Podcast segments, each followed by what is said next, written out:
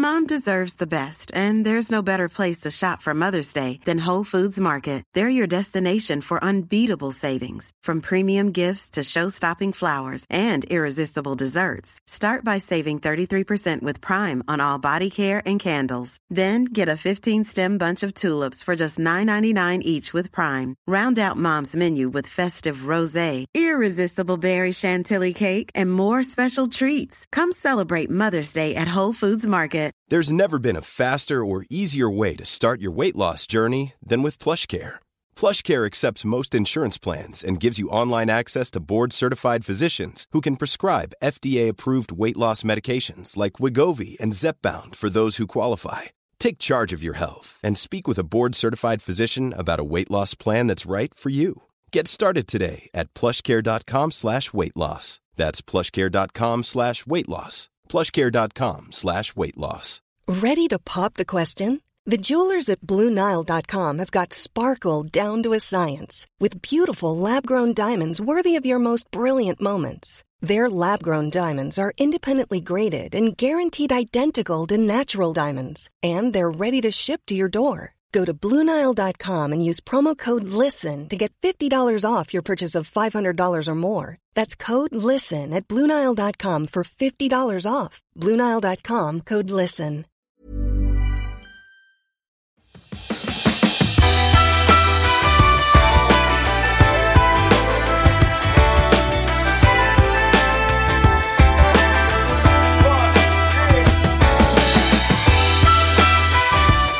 Hej och välkommen till Klimakteriepodden med mig, Åsa Melin.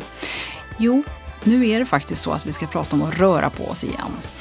Det är det kraftfullaste icke-receptbelagda vapen vi har att ta till under klimakteriet. För ja, det finns så mycket som tyder på att många av de symptom som vi stöter på både innan, under och efter går att lindra. Men tyvärr är det inte alltid det lättaste och det är kämpigt både fysiskt och mentalt. Det gäller alla oavsett vilken nivå man befinner sig på.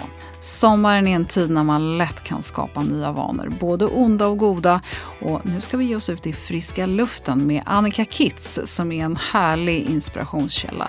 Så vi får oss en knuff i ryggen när det gäller både styrka, vardagsrörelse, bäckenbottenträning och att hitta enkla sätt att förbättra styrka och kondition. Hon brinner för att bryta normer kring träning och skapa en skön harmoni mellan fysik, psykisk och sexuell hälsa. Jag lovar att du kommer få något bra här oavsett vem du är och var du är. Så välkommen att lyssna.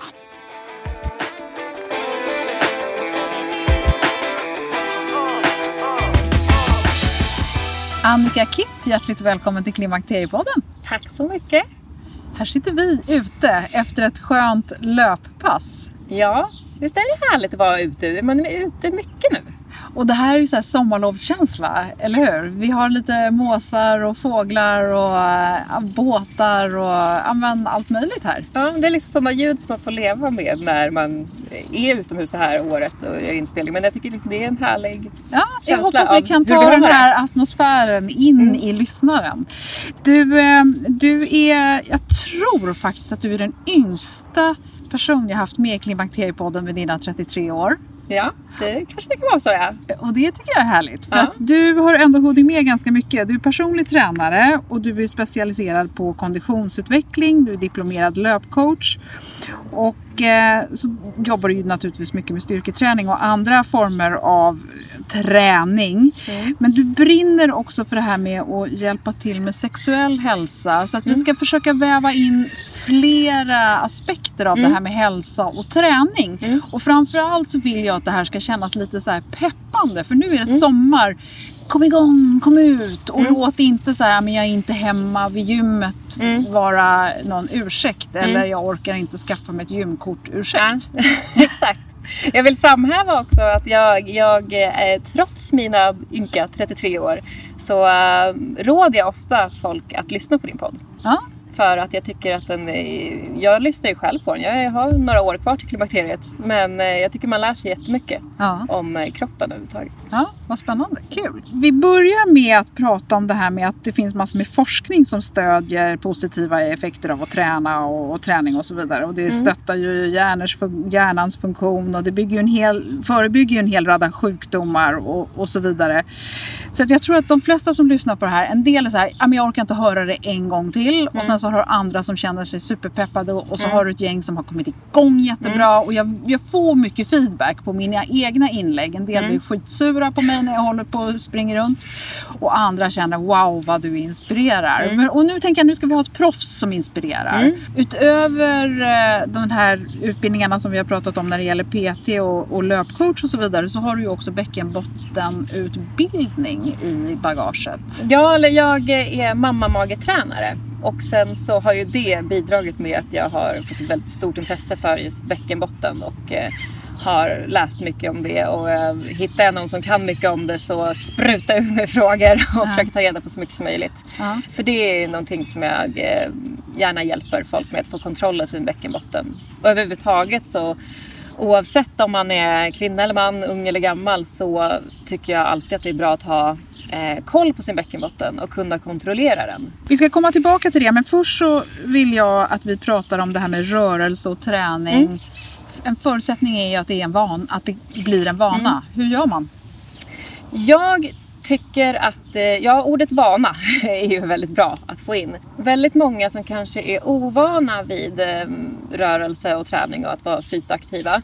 När de väl ska börja så har man kanske satt, eh, man är peppad och har satt mål som att jag ska träna tre eller fyra gånger i veckan. Ja, för vissa funkar det jättebra. Men risken är att man, eh, om man till exempel blir sjuk eller man får förhinder eller något som gör att man inte kan träna på ett tag då kan det vara lite svårare att då komma tillbaka om man inte har hunnit bygga upp vanan ännu. Så därför så brukar jag eh, råda folk till, i alla fall som sagt om man är ovan att röra på sig, eh, att gör lite och gör det enkelt och gör det varje dag istället. Eh, kanske kan ha en vilodag i veckan, men istället bara för att sätta vanan att gör, utföra någon form av fysisk aktivitet varje dag. Eh, och sen kan det vara olika saker.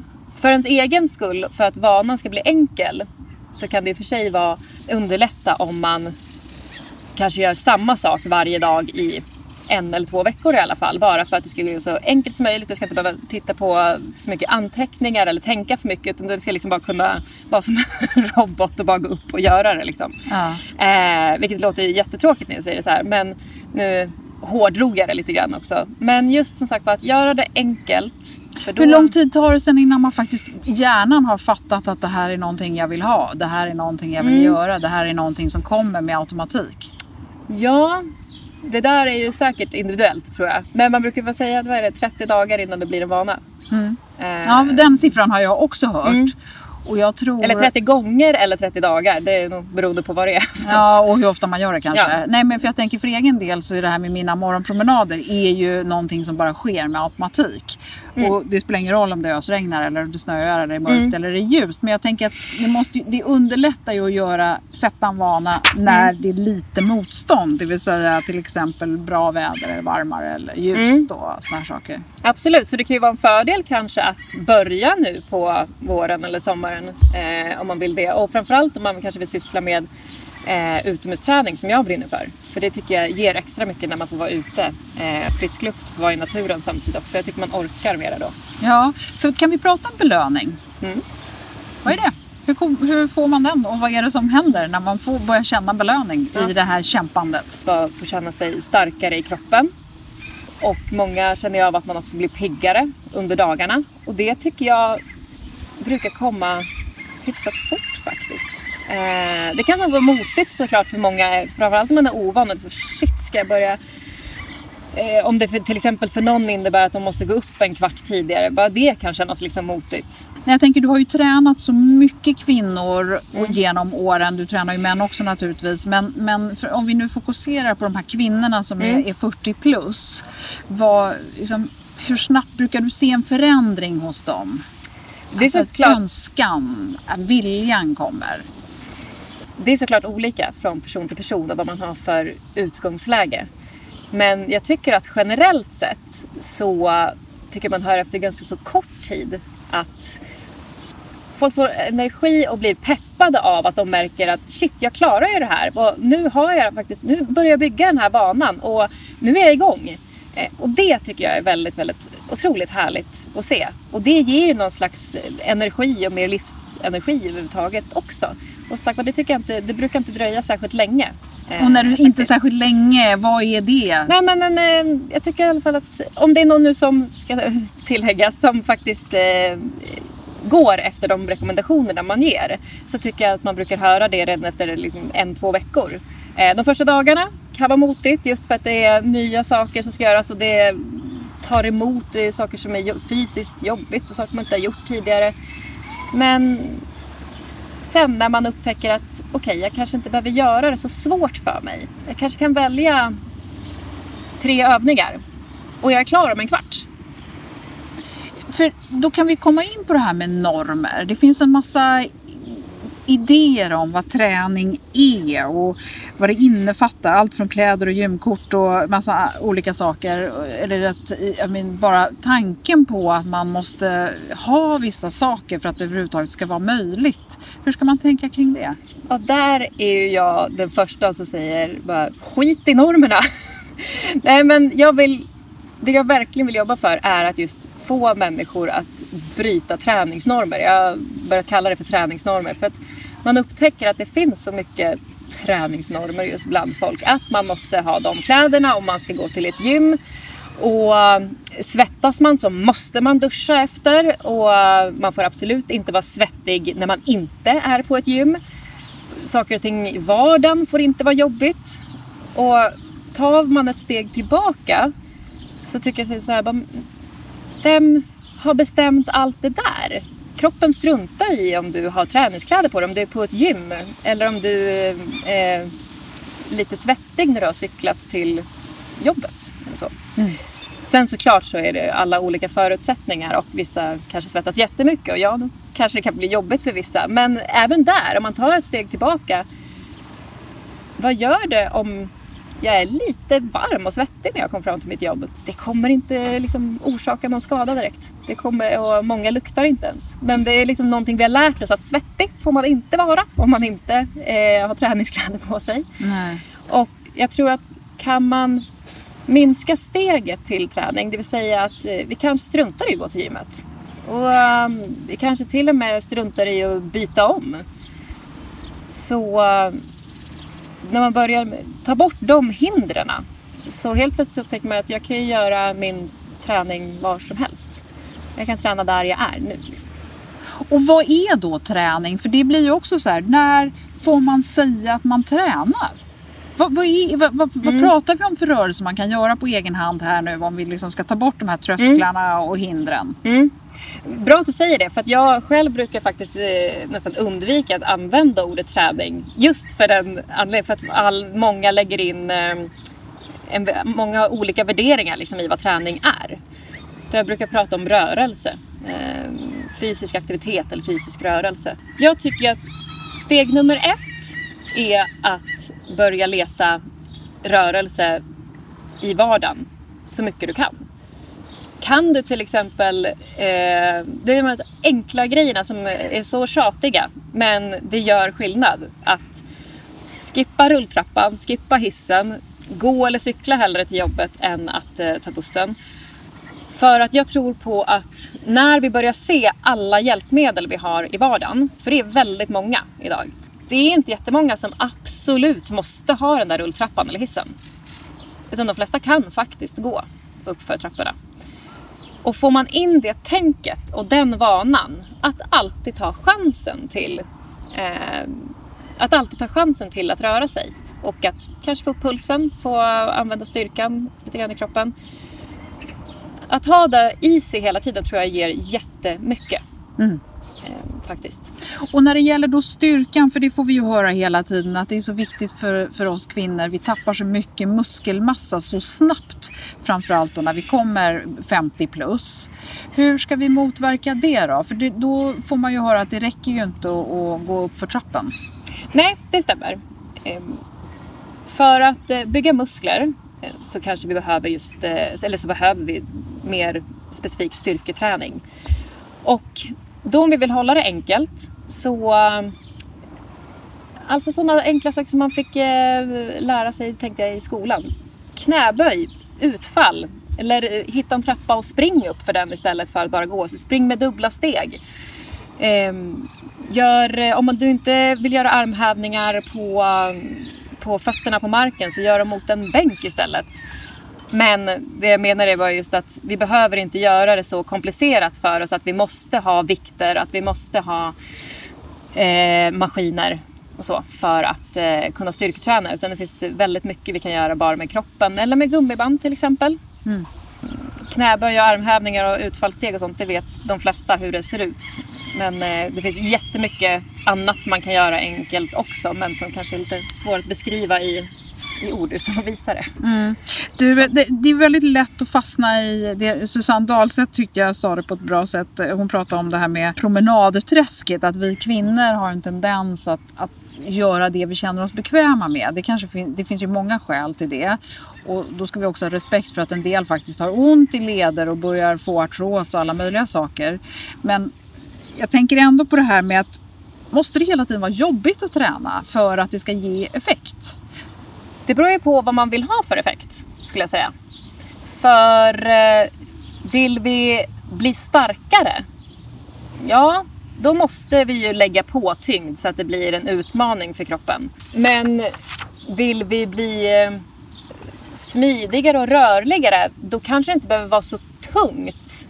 Vi kanske måste utmana rörligheten mer, men det kanske inte behöver vara så tungt som sagt. Vill vi få bättre kondition? Där beror det för sig också på, allt beror på vilket utgångsläge man är i. Och för någon som kanske aldrig har till exempel löptränat, då kanske det börjar med att man promenerar och sen blir tre minuter löpning instuckna där här och var i promenaden. Det kanske blir som intervallen i och för sig. Till exempel någon som redan löptränar. Vill den personen ha bättre kondition? Ja, då måste vi upp i högre puls där det är ansträngande för att utvecklas. Så det, det, går inte att komma runt. Att träna är alltid lite jobbigt och kräver lite motstånd. Beroende på vad du vill uppnå med det. Ja, okay. Men vill bli starkare, få bättre kondition, ja då måste det, bli, eh, måste det vara tyngre. Det vill inte säga att varje pass måste vara tyngre och tyngre och tyngre för då kommer vi öka för snabbt. Liksom. Och då är risken att man skadar sig om man hela tiden ökar. När man väl har kommit upp och blivit starkare så är vi bara kvar på samma nivå där, ja men då blir det med att vi bibehåller våran styrka eh, på det läget vi är då. Men det behöver ju heller inte vara negativt. Du kanske trivs i det du är i då. Du kanske mår bra i kroppen. Mm. Vi kanske inte hela tiden måste sträva efter att måste bli bättre, måste bli bättre, måste bli bättre.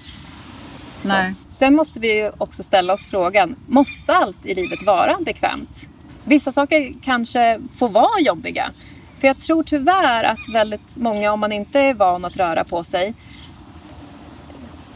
liksom räds lite grann för att saker är fysiskt jobbigt. Och det är egentligen inte så konstigt för sagt, vårt samhälle idag, i alla fall i storstäder, är uppbyggt efter, tycker jag att jag ser i alla fall, att ingenting i vardagen får vara ansträngande. Utan som sagt det finns hissar, det finns eh, rulltrappor och det finns hela tiden hjälpmedel som gör att du inte ska behöva ha det fysiskt ansträngande. Men om, som sagt, om vi tänker efter, vad är det för farligt med det? Vad kommer hända? mer än att det just faktiskt är bra för kroppen. Men det är väl Utan... precis det här som har gjort också att det svenska folket har blivit x antal kilo tyngre bara de senaste 20 åren. Och det är för att vi inte har vardagsrörelsen. Att det här, plötsligt så är träning någonting som ska ske på en utsatt tid, på en utsatt plats. Och det blir väldigt svårt för många av oss att få in i vår vardag. Och då försvinner det helt. Och plötsligt så kan det ha gått en månad och man inte har gjort någonting mer än kanske gått till bilen från sin ytterdörr. Där tror jag du sa en jätte, jätteviktig sak. Eh, det har absolut en eh, stark inverkan, en, del i alla fall, just det här att vi blir hjälpta hela tiden. Vi blir hjälpta från att anstränga oss fysiskt hela tiden. I, eh, för de, inte för alla, men för de flesta i eh, storstäder framför allt. Och de flesta i ärlighetens namn ligger ju inte som Marit Björgen efter ett eh, mållinje, att de ligger och flämtar efter att de har kommit upp för trappan. Utan man kanske är lite, lite andfådd. Men vad gör det? Det är inget farligt som kommer hända av det. Ehm, utan eh, det kommer gå över efter några sekunder. Och om man tänker efter också så här. Ha, okej, okay, vad tar det för mig att gå upp för den här trappan? Mm, är det en lång trappa så tar det kanske 40 sekunder eller kanske till och med en minut om det är många trappor. Och sätter vi då det i perspektiv till, okej, okay, det är en minut av hela mitt liv, det är en minut av hela den här dagen som är på 24 timmar. Ska jag inte klara av att få upp pulsen i en minut?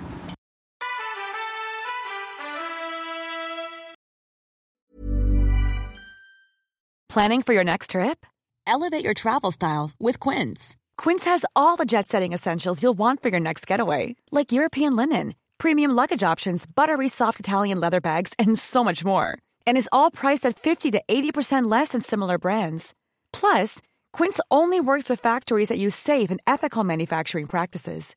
Pack your bags with high-quality essentials you'll be wearing for vacations to come with Quince. Go to quince.com/pack for free shipping and 365-day returns.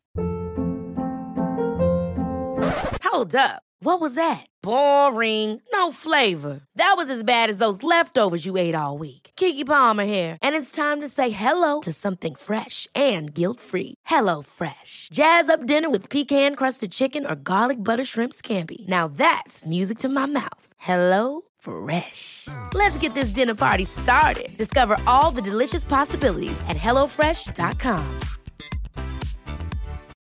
Life is full of what ifs. Some awesome, like what if AI could fold your laundry? And some, well, less awesome, like what if you have unexpected medical costs? United Healthcare can help get you covered with Health Protector Guard fixed indemnity insurance plans. They supplement your primary plan to help you manage out of pocket costs. No deductibles, no enrollment periods, and especially no more what ifs. Visit uh1.com to find the Health Protector Guard plan for you.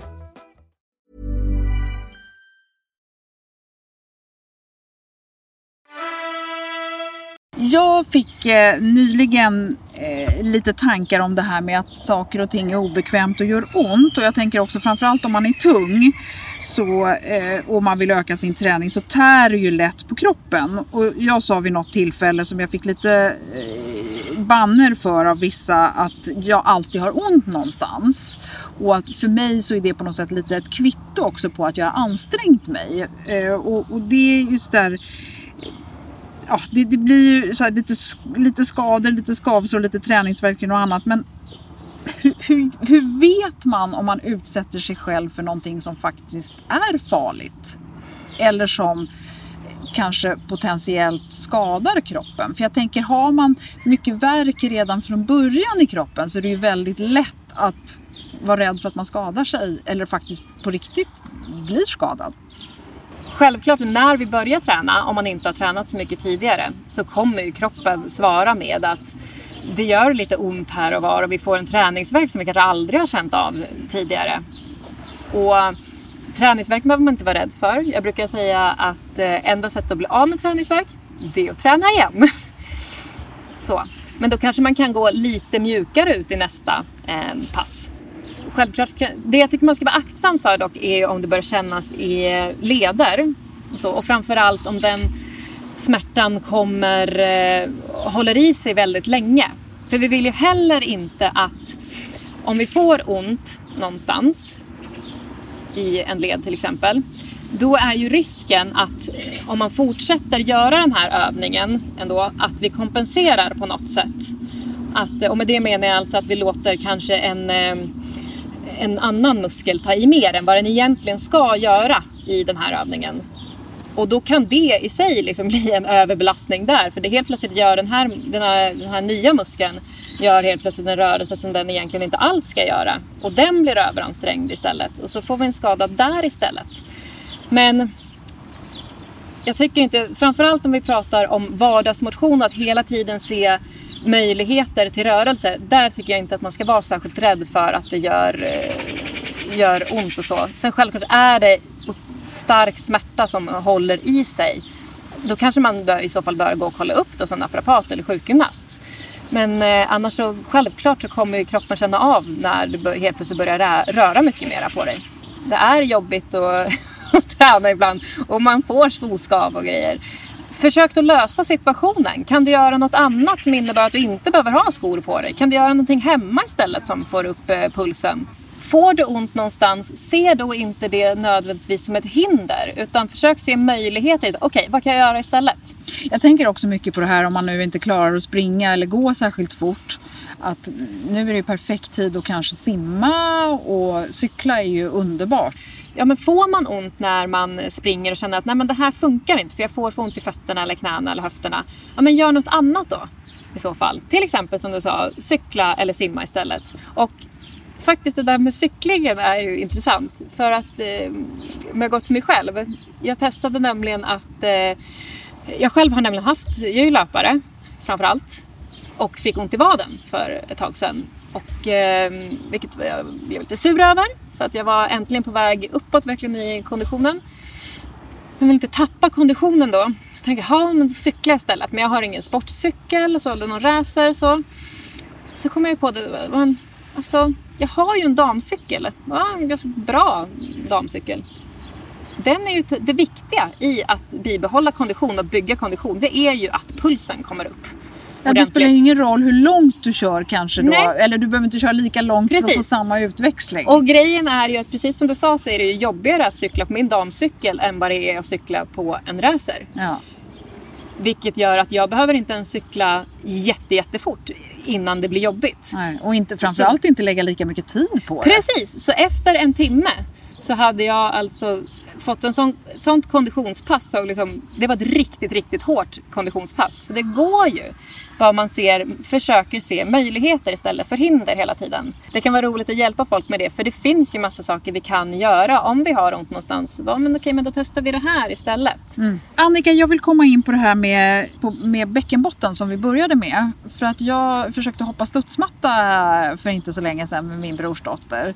Och det gick sådär kan jag säga. Gisses, jag tycker att jag har ganska bra bäckenbotten. Jag kan ju springa och jag kan göra många saker. En del kan ju verkligen inte göra det.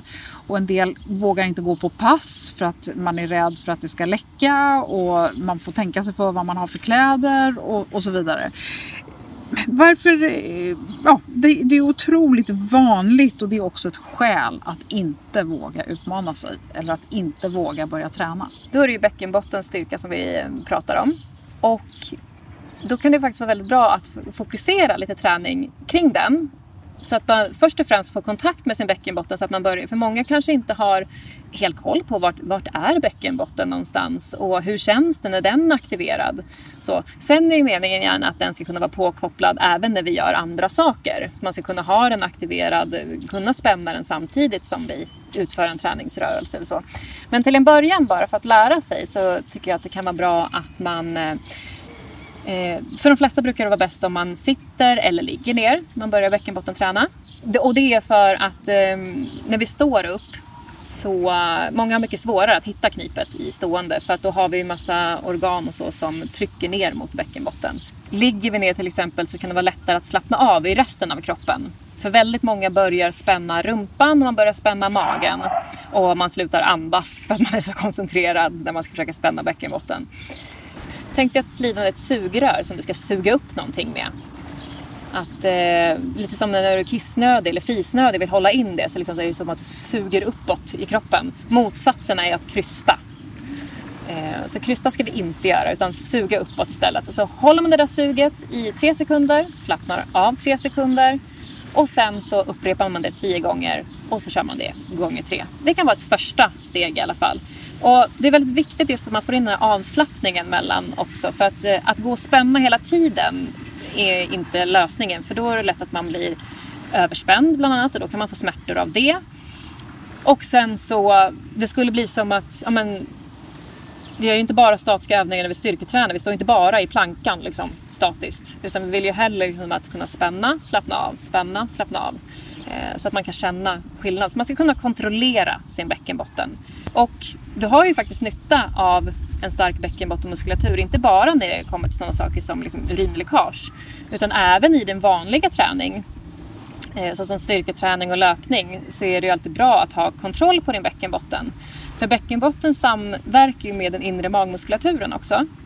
Och den inre magmuskulaturen och bäckenbotten är en stor del av det som liksom håller upp dig och gör att du får en bra hållning och som gör att du inte får ont i ländryggen. När vi är för svaga i magen så um, då hamnar väldigt mycket tyngd i ryggen istället och vi börjar svanka och då får vi ont där.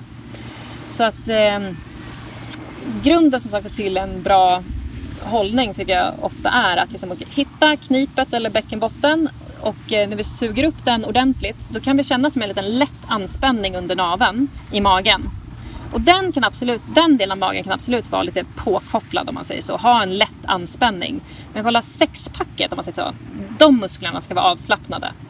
Det, ja, men kanske vid tunga lyft eller så, då ska vi gärna ha det där påkopplat och då får vi liksom en ökad stabilitet. Samma sak också när vi springer, så när vi blir trötta så det, kan det vara lätt att man börjar falla framåt med kroppen.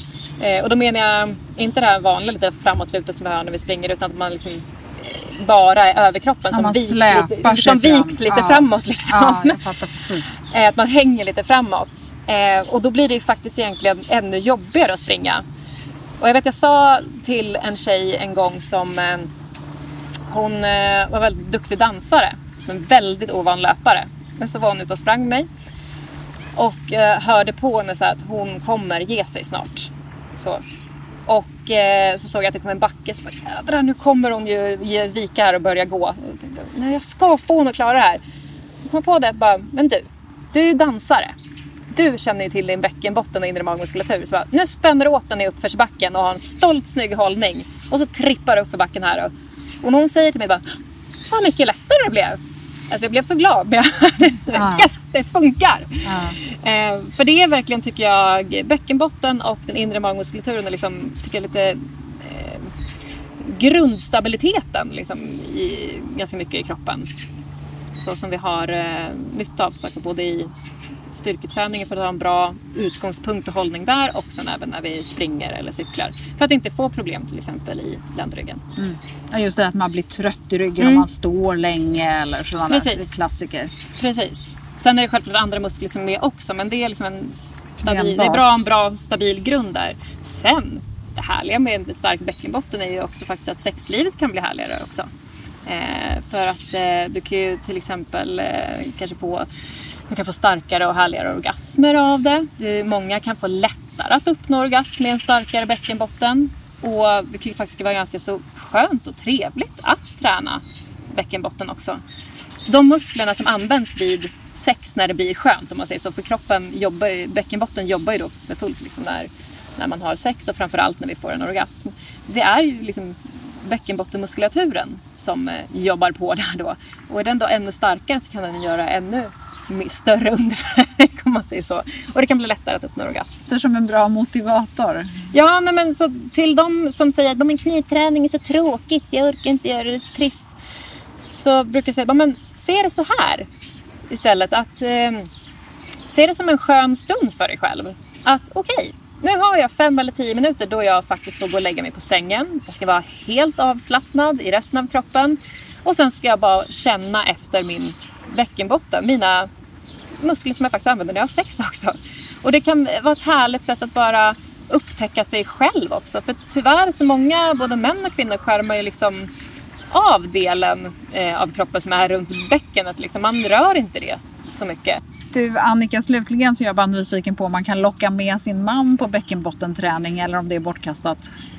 Det tycker jag absolut inte, utan locka med männen på det.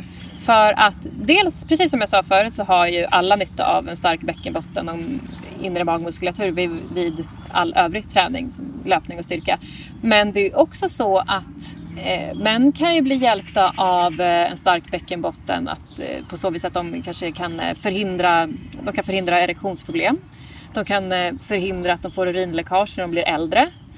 Och eh, om man tycker att eh, man får Eh, utlösning snabbare än vad man själv hade önskat så eh, kan ju många bli hjälpta av också just att få bättre kontakt med bäckenbotten och eh, att faktiskt då liksom lära sig kontrollera musklerna lite grann. Man, säger, man, får, man får öva helt enkelt att Eh, när man känner att man börjar närma sig en orgasm kanske. Att liksom, Okej, okay, vad händer då om jag slappnar av i bäckenbotten eller om jag spänner den? Och så så det, är alltid, det har flera positiva delar att ha koll på sin bäckenbotten för män också.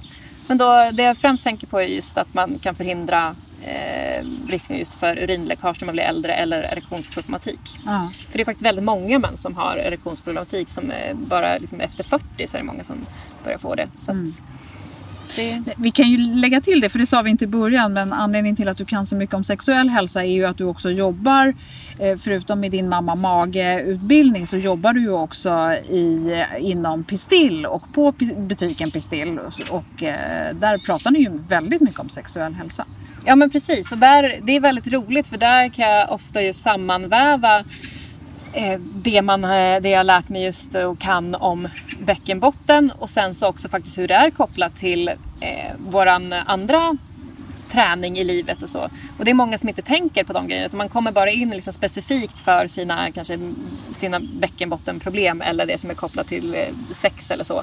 Men sen när man börjar på se större på det så kan man ofta väva in att det här har du även nytta i när du gör det här när du springer eller så. Ja. så det, det är väldigt roligt faktiskt. Ja, och just också för att de påverkar ju varandra också, den sexuella hälsan och den fysiska. Ehm, så, så att, eh, när allt sitter ihop som vanligt så kan vi inte särskilja det, det ena från det. det andra. Om man nu vill ha ett sista gott ord från dig Annika, vad skulle du vilja lägga till som pepp för hela den här utmaningen som det kan vara för många av oss?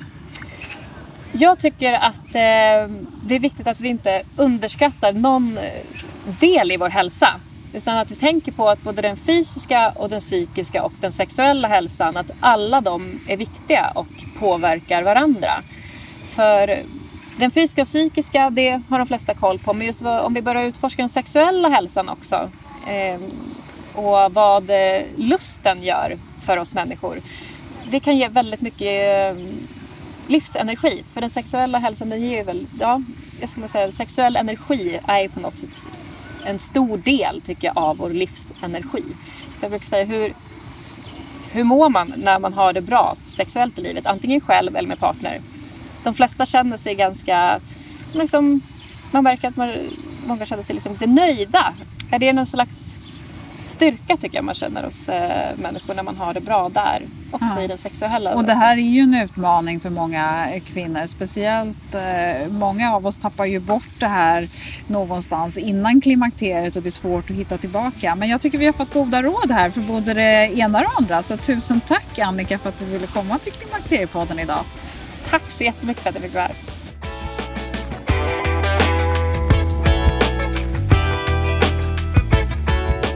Ja, jag måste bara uppmana dig att gå in på Klimakteriepodden på Facebook eller klimakteriepodden.se där du hittar länkar till dels en film som Annika speciellt gjort för dig som lyssnar och eh, där finns det några bra enkla övningar som inte kräver något annat än 12 minuter av din tid.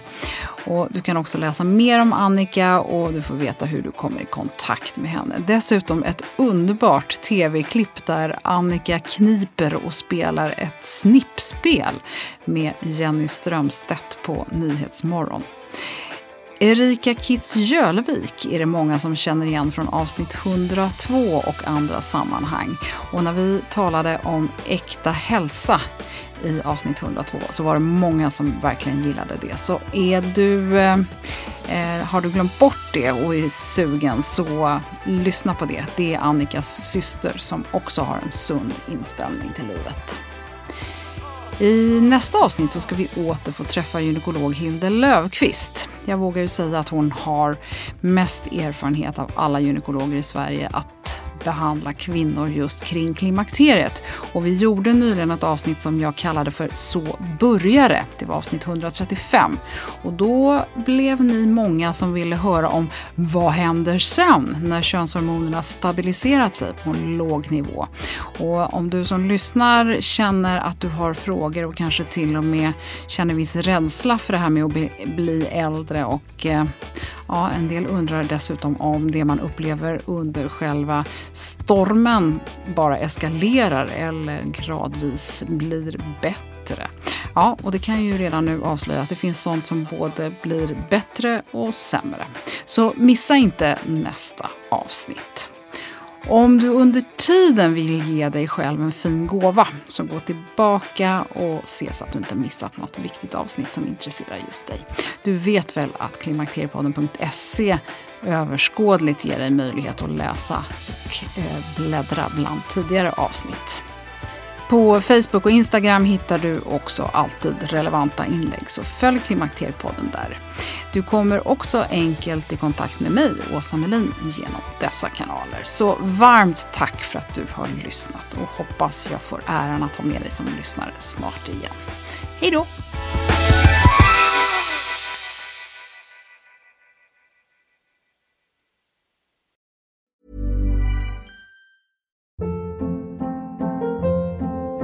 Hold up. What was that? Boring. No flavor. That was as bad as those leftovers you ate all week. Kiki Palmer here, and it's time to say hello to something fresh and guilt-free. Hello Fresh. Jazz up dinner with pecan-crusted chicken or garlic butter shrimp scampi. Now that's music to my mouth. Hello Fresh. Let's get this dinner party started. Discover all the delicious possibilities at hellofresh.com. Mom deserves the best, and there's no better place to shop for Mother's Day than Whole Foods Market. They're your destination for unbeatable savings, from premium gifts to show-stopping flowers and irresistible desserts. Start by saving 33% with Prime on all body care and candles. Then get a 15-stem bunch of tulips for just $9.99 each with Prime. Round out Mom's menu with festive rosé, irresistible berry chantilly cake, and more special treats. Come celebrate Mother's Day at Whole Foods Market. Even when we're on a budget, we still deserve nice things. Quince is a place to scoop up stunning high-end goods for 50 to 80% less than similar brands. They have buttery soft cashmere sweaters starting at $50, luxurious Italian leather bags, and so much more. Plus, Quince only works with factories that use safe, ethical, and responsible manufacturing. Get the high-end goods you'll love without the high price tag with Quince. Go to quince.com/style for free shipping and 365-day returns.